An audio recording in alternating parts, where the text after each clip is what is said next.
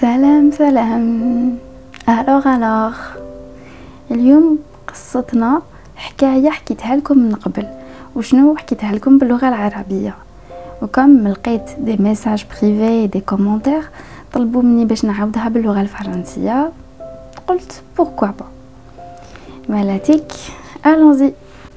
Il était une fois un gentilhomme qui menait une vie paisible et tranquille avec sa femme et ses deux enfants qu'il aimait beaucoup.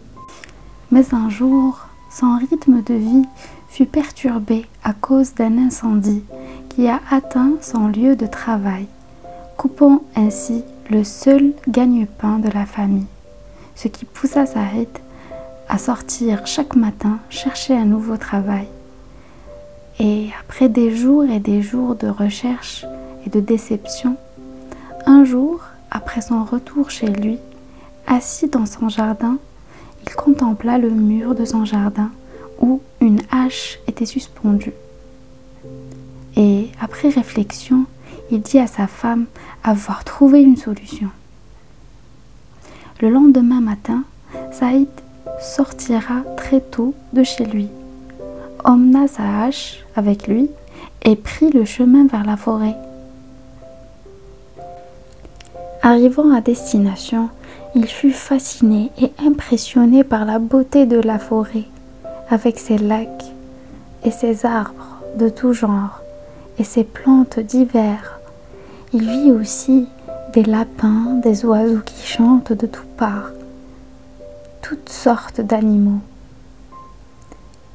Et tout en continuant de marcher et de contempler jusqu'à ce qu'il arrive au bord d'une grande rivière où il trouva du bambou.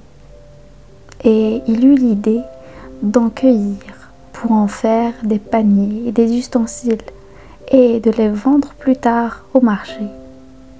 Aussi, il trouva des arbres et des branches mortes qu'il tailla à l'aide de sa hache pour pouvoir les, les porter jusqu'au marché et en tirer profit.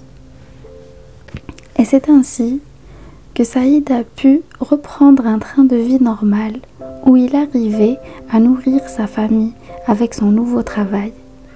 Mais un jour, alors qu'il essayait d'atteindre un arbre mort situé à la rive de la rivière, il glissa et sa hache lui tomba de la main. Et alors qu'il était agité par cet événement, il entendit une voix lui dire Ne sois pas triste, voici ta hache d'or. Et il se retourna pour voir une femme sortant de la rivière. Étonné par cette apparition, Saïd lui demanda qui elle était.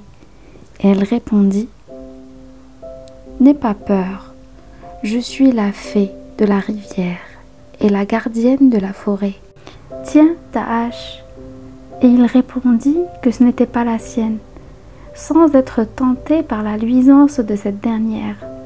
Et la fée replongea aussitôt pour réapparaître avec une hache d'argent.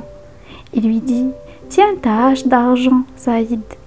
Et encore une fois, Saïd répondit que ce n'était pas la sienne, avec un agacement dans la voix. Et en expliquant qu'il était pauvre et sa hache ne pouvait être ni d'or ni d'argent.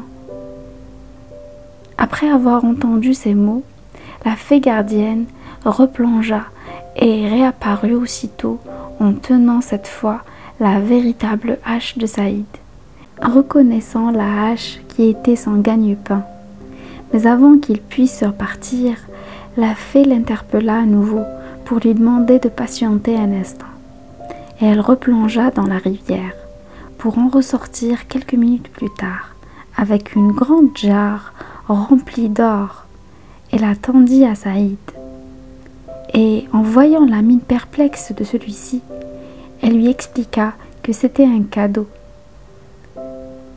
en rentrant chez lui, il fut surpris de voir que ses voisins étaient là, en train de l'attendre aux côtés de sa famille, visiblement rassurés de le voir revenir sain et sauf. Saïd leur raconta ce qui s'était passé avec lui et décida de leur donner une poignée d'or chacun et les remercia d'avoir aidé sa femme et sa famille. Cependant, parmi ses voisins, il y avait un qui était plus intéressé par le récit et il posa beaucoup de questions concernant l'endroit d'où a surgi la fée. Voulant toujours garder son statut d'homme riche et excité à l'idée de se voir offrir un trésor plus important que celui de Saïd, l'homme se leva tôt le matin et décida d'emmener non pas une, mais deux haches avec lui. Arrivant au bord de la rivière, qu'il trouva grâce aux explications de Saïd, il jeta les deux haches et attendit quelques instants avant de voir sortir la fée. Et il s'étonna de voir qu'elle était exactement comme décrite par Saïd. Mais cette fois-ci, elle était comme irritée. Elle demanda à l'homme devant elle ce qu'il faisait dans la forêt. Ce dernier répondit en imitant faussement Saïd qu'il était là pour bûcher, pour nourrir sa famille et qu'il avait perdu sa hache. Et comme il avait une autre, il tenta de travailler avec. Mais elle lui glissa aussi des mains. Et donc, toutes les deux se trouvaient actuellement au fond de la rivière. La fée plongea dans la rivière et quand elle en surgit, elle portait deux haches d'or et elle demanda à l'homme s'il s'agissait de ces deux haches. L'homme, qui était ébloui par ce qu'il voyait, tendit ses mains pour les prendre, tout en hochant la tête pour répondre à la question de la fée. Mais celle-ci replongea dans l'eau sans le laisser atteindre son but. L'homme resta seul à rêver et imaginer que si la fée avait tardé à remonter, c'était parce qu'elle ramassait tous les trésors qu'il y avait pour les lui offrir. Et il resta là, à rêvasser, pendant que le temps passait. Quand enfin le soleil a commencé à arriver pour aller se coucher, c'est là qu'il comprit que la fée n'allait pas revenir et que sa cupidité causerait sa mort s'il ne se dépêchait pas de rentrer chez lui avant la tombée de la nuit. وهكذا تخلص القصة تاعنا اليوم ملاتي كيفاش عجبتكم اذا عجبتكم ما تنساوش ديروا جام وتابونيو وتاني كاين لاباج انستغرام اللي تصيبوها في صندوق الوصف باش يلحقكم كل جديد.